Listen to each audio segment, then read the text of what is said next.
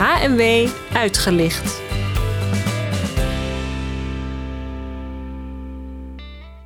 De onzichtbare gevolgen van hersenletsel. Erken, herken en verwijs. Ik ben aan de telefoon met Caroline van Heugden. Zij is hoogleraar neuropsychologie en zij zit helemaal in Australië. Zij is daar bezig met een boek over ook hersenletsel. Dus ik spreek haar over de telefoon. Goedemorgen, Caroline. Goedenavond, zal ik dan zeggen, want ik ben tien uur verder. Ja.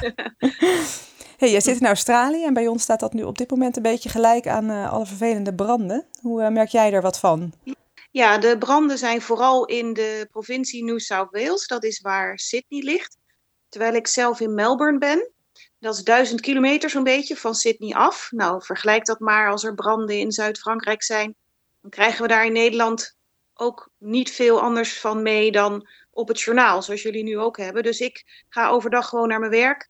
Iedereen heeft het er natuurlijk wel over. Veel mensen hebben familie die schade hebben aan, aan hun huis of geëvacueerd zijn geweest.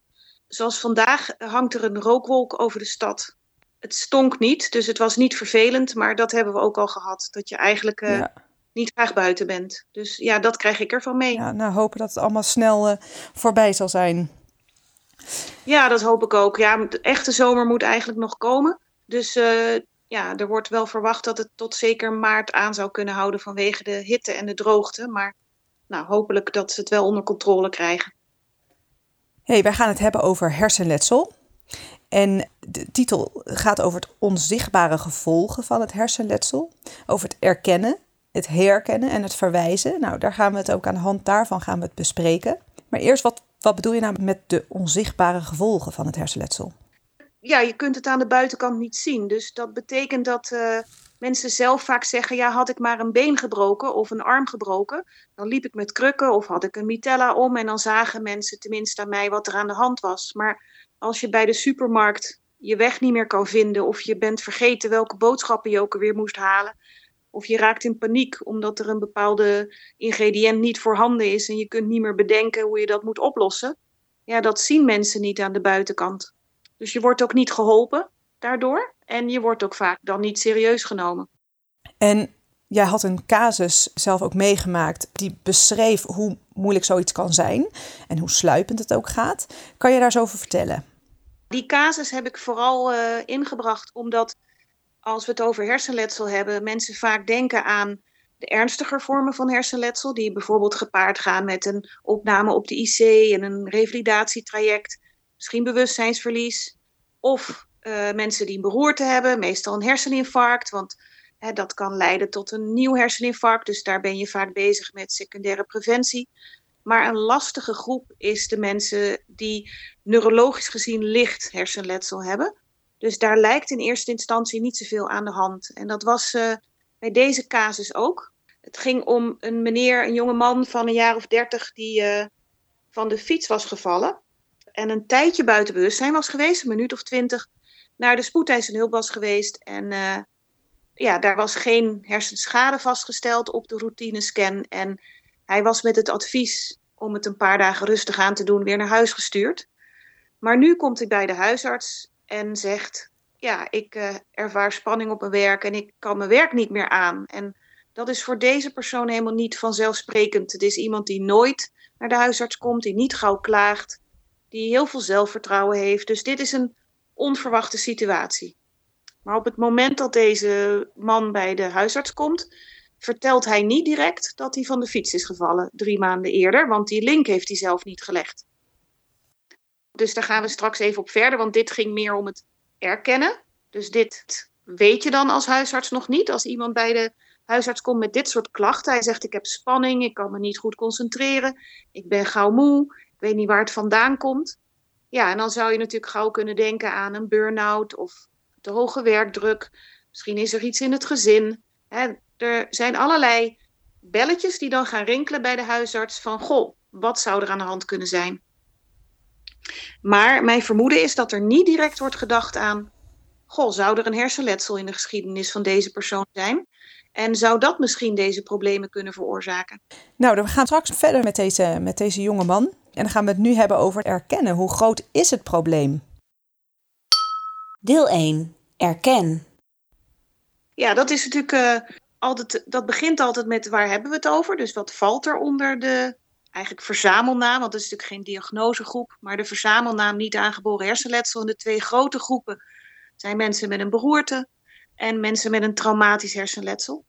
Maar daarnaast kan natuurlijk ook gedacht worden aan mensen die een hartstilstand hebben overleefd. Want als je hart even stilstaat, wordt er ook geen zuurstofrijk bloed naar je hersenen gepompt. En zou je daar ook schade aan de hersenen van kunnen ondervinden. Maar ook na een infectie aan de hersenen of een hersentumor, wat tegenwoordig goed te behandelen is, steeds meer mensen overleven en ook op langere termijn. Dus er is eigenlijk een hele grote groep en er is een schatting dat er momenteel in Nederland 650.000 mensen leven met de gevolgen van een hersenletsel op dagelijkse basis. Dus dat is een hele grote groep. En hoe zou je dat terug kunnen vertalen naar normpraktijk? Ja, we hebben gekeken in uh, de academische praktijken die gekoppeld zijn aan de Universiteit Maastricht. En daar hebben we gewoon eens geteld op basis van ICPC-codes. En daar kwamen we uit op 64 mensen per normpraktijk.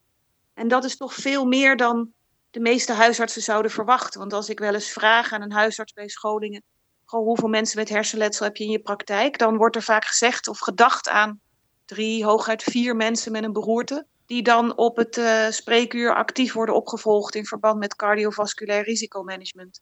Maar het zijn er dus veel meer. Nou, het betekent niet dat iedereen die zijn uh, hoofd tegen het keukenkastje stoot hierbij meegerekend moet worden, want ik wil niet medicaliseren. Maar dit zijn wel alle mensen bij wie de diagnosecode ook daadwerkelijk aan deze patiënt gekoppeld was. Dus iedereen die op de spoedeisende hulp is geweest of zich niet eens gemeld heeft bij de huisarts of de SCH, die, die zit nog niet eens in die telling. Ja, omdat we dus met die, echt, die kleinere trauma meestal niet naar de huisarts gaan. Nee.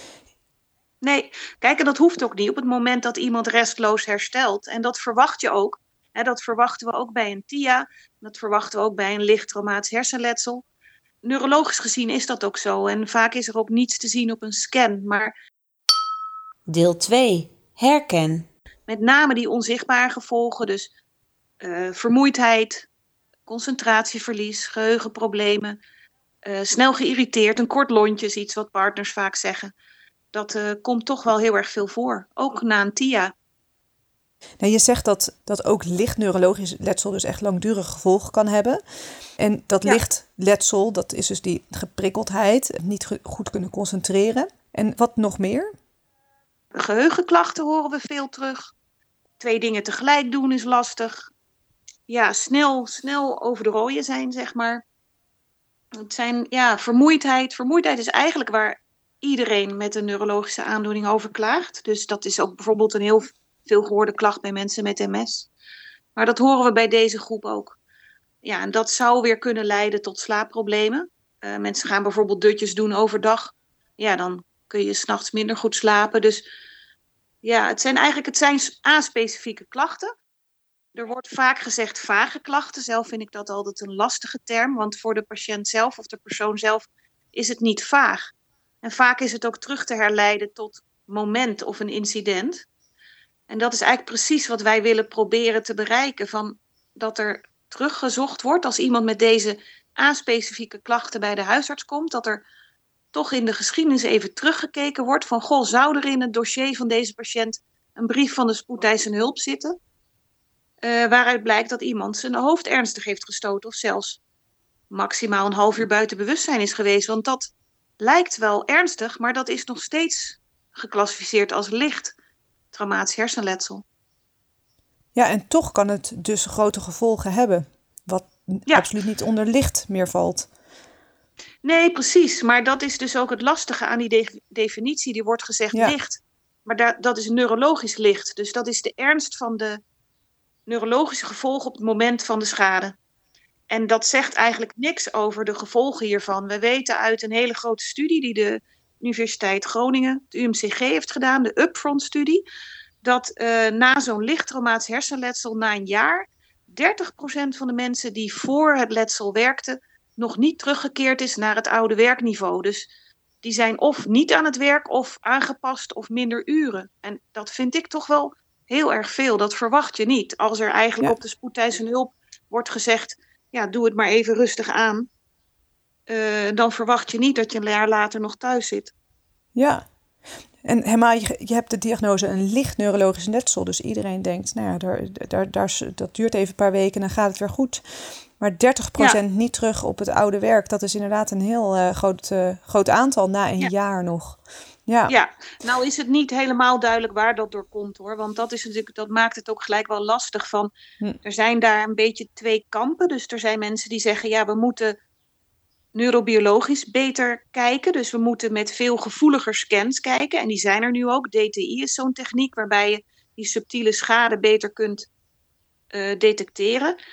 Maar er het andere kamp zegt nee, het heeft helemaal niets met schade aan de hersenen te maken. Het zijn mensen die psychologisch toch al kwetsbaar waren. Vaak hebben ze ook um, psychologische problematiek in de voorgeschiedenis. Dus het zijn mensen waarvan het andere kamp zegt, nou het maakt eigenlijk niet zoveel uit wat de oorzaak was. Nu is het toevallig, ze stoten hun hoofd en ze lopen vast.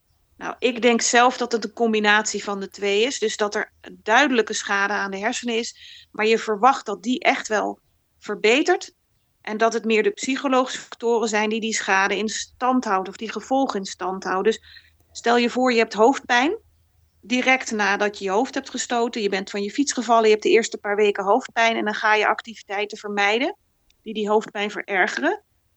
Maar als je daarin blijft hangen en je, je gaat eigenlijk steeds minder doen, ja, dan krijg je bij het minste geringste natuurlijk al gauw een gevoel van overbelasting. En misschien weer hoofdpijn. En dat is een ander soort hoofdpijn, zou ik zeggen, dan die initieel optreedt doordat je je hoofd hebt gestoten. Alleen voor iemand zelf is dat heel moeilijk uit elkaar te houden. Dus mijn idee is dat de eerste schade echt wel leidt tot gevolgen, maar dat het in stand houden van die gevolgen misschien meer psychologisch bepaald is.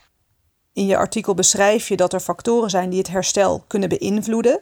En dat zijn dus ook factoren die, die, die, het karakter van het persoon zijn, hoe daarmee omgegaan wordt, hoe iemand dus kan herstellen. Ja, nou ja, we weten uit de psychologie weten we hè, dat uh, copingstrategieën, hoe ga je om met stressvolle situaties, is heel erg belangrijk. Hoe groot is je veerkracht? Dus um, hoeveel zelfeffectiviteit ervaar je? Dus, dus in hoeverre vind je of denk je dat je na een incident of een trauma de boel gewoon weer op kan pakken. Je gaat er gewoon weer voor. En, en we merken uit, uh, uit verhalen in de klinische praktijk, maar zeker ook uit wetenschappelijk onderzoek, dat de mensen die het beste uit zo'n hersenletsel, zeg maar, eruit komen. Dus als je een jaar later kijkt naar bijvoorbeeld hervatten van activiteiten in dagelijks leven of deelname aan de maatschappij, dan zijn het de mensen met meer de positieve psychologische factoren meer de optimisten. Mensen die hun schouders eronder zetten. Mensen die het glas half vol zien en niet half leeg. Dat dat de mensen zijn die een betere kans hebben op een goede uitkomst. En hierbij sluiten we een beetje het erkennen af. En we hebben het al een deel gehad over het herkennen van uh, klachten.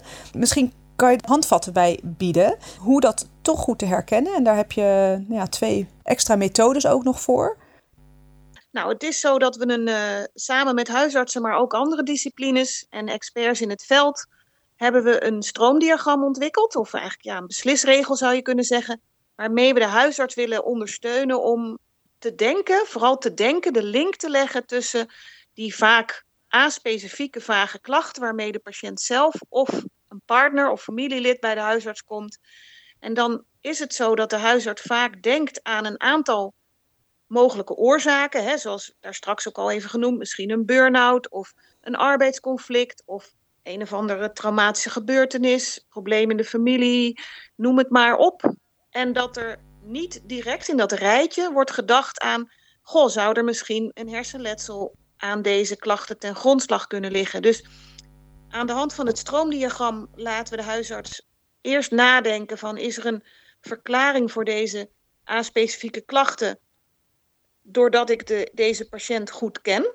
Nou, in onze casus, daar straks zei ik al, het was heel ongebruikelijk voor onze jonge IT'er om naar de huisarts te gaan en te klagen over spanning en problemen op zijn werk. Dus daar ging eigenlijk bij de huisarts al een belletje rinkelen. En dan, als er geen logische verklaring voor is, dan zeggen we van nou, denk eens naast van, zou er misschien sprake kunnen zijn van een incident of een ziekte in de geschiedenis van deze patiënt die ofwel al terug te vinden is in een dossier, zoals een brief van de spoedeisende hulp, of misschien bij doorvragen bij de patiënt specifieker naar Wanneer zijn de klachten ontstaan? Uh, heb je misschien je hoofd gestoten? Is er iets anders? Ben je nog in het ziekenhuis opgenomen geweest? En op basis daarvan zou je al dichter kunnen komen bij een mogelijke diagnose die deze klachten kan verklaren. Waarbij we dan zeggen, er zijn een aantal aandachtspunten. En één daarvan hebben we net ook al besproken, namelijk licht neurologisch letsel kan toch gevolgen hebben. Maar wat ook heel erg belangrijk is, is dat de gevolgen ook pas later op de voorgrond kunnen komen. Als er veranderende eisen zijn in de omgeving. Dus bijvoorbeeld uh, iemand krijgt een andere functie met hogere eisen.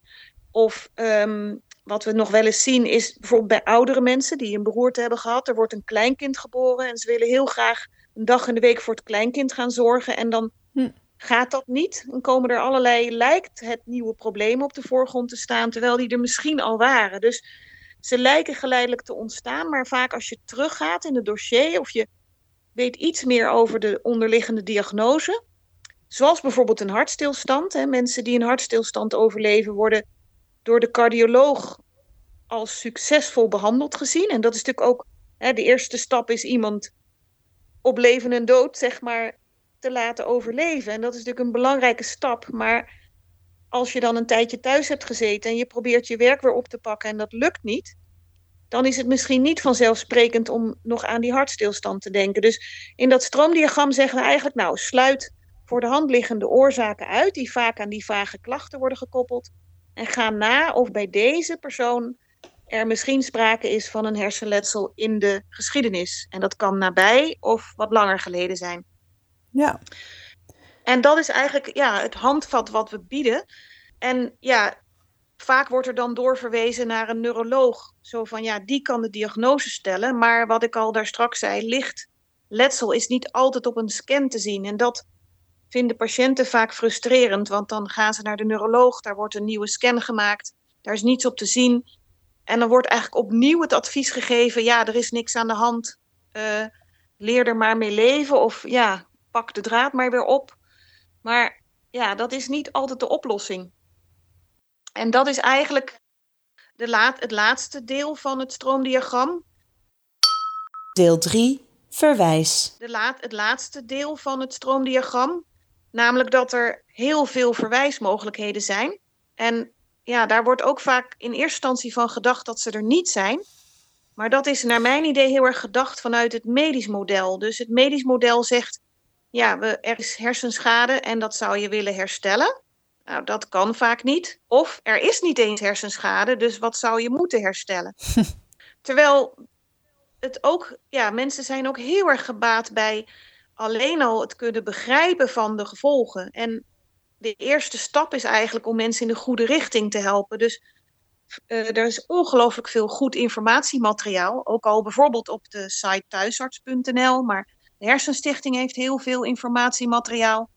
Dus met ons idee van erken, herken en verwijs bedoelen we niet direct dat iedereen revalidatiebehandeling moet krijgen of een of andere dure vorm van zorg. Maar ja, dat kan al beginnen met uitleg. En ja, wij noemen dat vaak duiden van de klachten. Vaak wordt het een heel stuk begrijpelijker als je zegt van nou, vermoeidheid kan veel voorkomen na, een, na schade aan de hersenen. En ja, daar zou je rekening mee kunnen houden. Ergotherapeuten bijvoorbeeld, en die zijn overal in de eerste lijn, maar ook bij revalidatieteams, zijn heel erg gespecialiseerd in mensen te helpen om die balans tussen belasting en belastbaarheid weer wat meer op orde te krijgen. Soms is dat heel moeilijk om dat zelf te doen. Dus ja, wij zeggen eigenlijk, ja, probeer in je eigen regio goed te onderzoeken welke mogelijkheden er zijn. En naar mijn idee uh, zou je uh, als huisarts niet eens alle verwijsmogelijkheden zelf hoeven te kennen in de regio. Maar zou je wel gebruik kunnen maken van hulpbronnen. En dat zijn naar mijn idee een aantal mensen in elke regio. En elke regio heeft deze mensen. Bijvoorbeeld de coördinator van de CVA-keten, die in elk ziekenhuis is, die kennen vaak de regio goed. Maar elke regio Nederland heeft ook een hersenletselteam. En deze coördinatoren van die hersenletselteams, die kennen de regio's ook goed. En hoe kan je die bereiken? Als je intypt in je eigen provincie uh, hersenletselteam met de naam van de provincie erachter, dan kom je daar eigenlijk al direct terecht. En ik denk als je intypt in Google uh, CVA-keten en dan de naam van je eigen ziekenhuis, dan kom je vaak ook wel op de site van de CVA-keten. Dus ja, dat hoeft niet zo moeilijk te zijn. En de landelijke breinlijn? Ja, ja er is een uh, initiatief dat wordt ondersteund door het ministerie van VWS. Uh, om eigenlijk één toegangspoort wordt dat genoemd voor uh, iedereen die een vraag heeft over hersenletsel of de gevolgen daarvan. Dat kan de huisarts zijn, patiënt zelf, familie, een andere professional. Die zou kunnen bellen naar de breinlijn en dat is één telefoonnummer. En daar zit een hele hoop technisch vernuft achter, waardoor het systeem herkent in welke regio deze persoon belt, zodat je doorverbonden wordt met experts in je eigen regio die die breinlijn bemannen. En dat zijn altijd mensen zoals zo'n coördinator van een hersenletselteam, die die regio dus heel goed kennen. Dus het is een toegangspoort. Het, het, zijn geen zorgverleners. Het zijn eigenlijk mensen die, ja, die je de weg wijzen. Dat is het idee ervan. Ja. Uh, en de huisarts kan daar ook naar bellen. En omdat het uh, ja, zo'n uh, ongelooflijk goed voorbeeld is van hoe je de zorg die er wel is in Nederland, maar vaak niet op het juiste moment de juiste persoon bereikt, waardoor je die toch dichter bij de mensen zelf, maar ook bij de huisarts kunt brengen. Dus uh, ja, vandaar dat het ministerie dit project zo goed ondersteunt. En zelfs in het projectteam als lid is gestapt om er dicht op te kunnen zitten. Want ja, de juiste zorg op de goede, op de juiste plek, zeg maar, dat is natuurlijk een thema wat uh, momenteel heel erg actueel is in de gezondheidszorg. We willen niet dat mensen gaan shoppen, waardoor ze onnodige zorg gaan gebruiken op langere termijn, of te dure zorg, of te laat.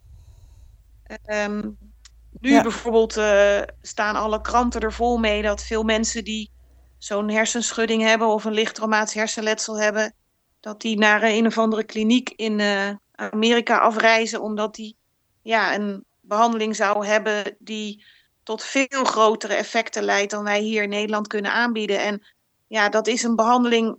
Kijk, als het helpt, dan helpt het. Maar het is geen behandeling die gebaseerd is op wetenschappelijk onderzoek. En dat maakt het voor ons heel lastig.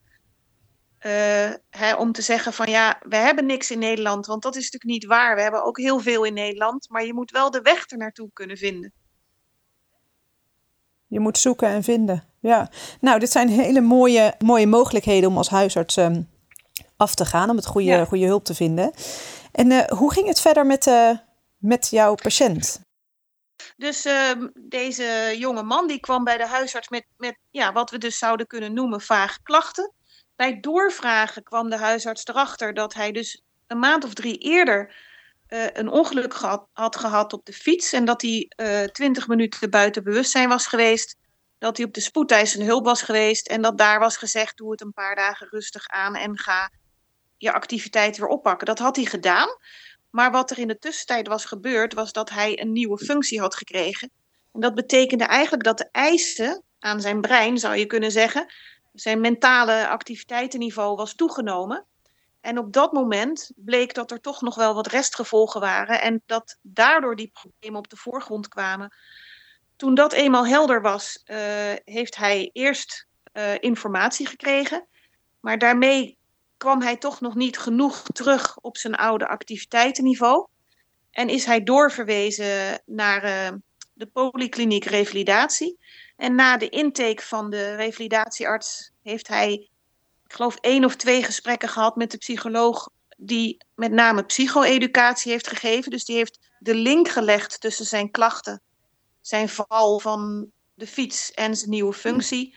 En daarna heeft de ergotherapeut het overgenomen om in een aantal keren, aantal sessies samen met deze man te kijken hoe die dat activiteitenniveau langzaamaan weer kon opbouwen. En uh, ja, op het moment dat we nu met elkaar praten, is hij aan het werk en gaat het goed in zijn nieuwe functie.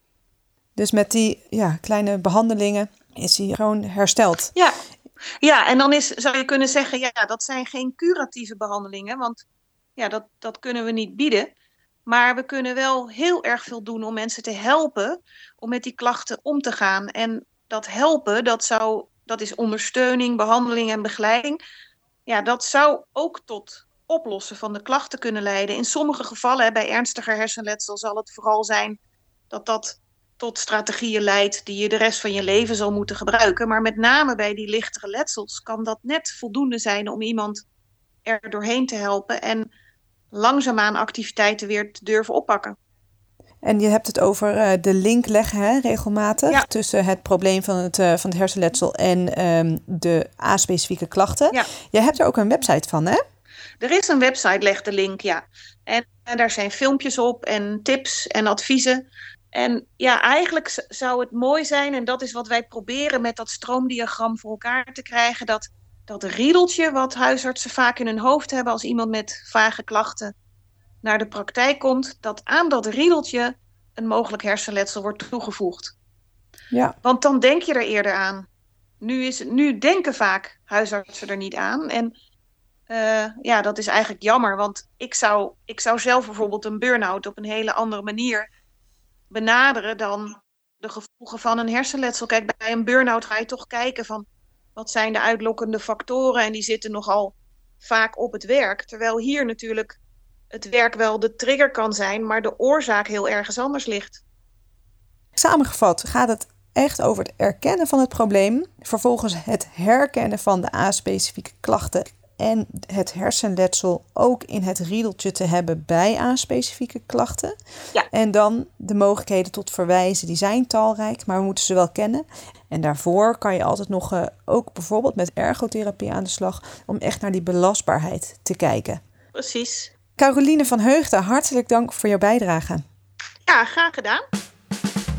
Bedankt voor het luisteren. Kijk voor meer informatie op de website hnw.nl en op huisartspodcast.nl. Tot de volgende keer.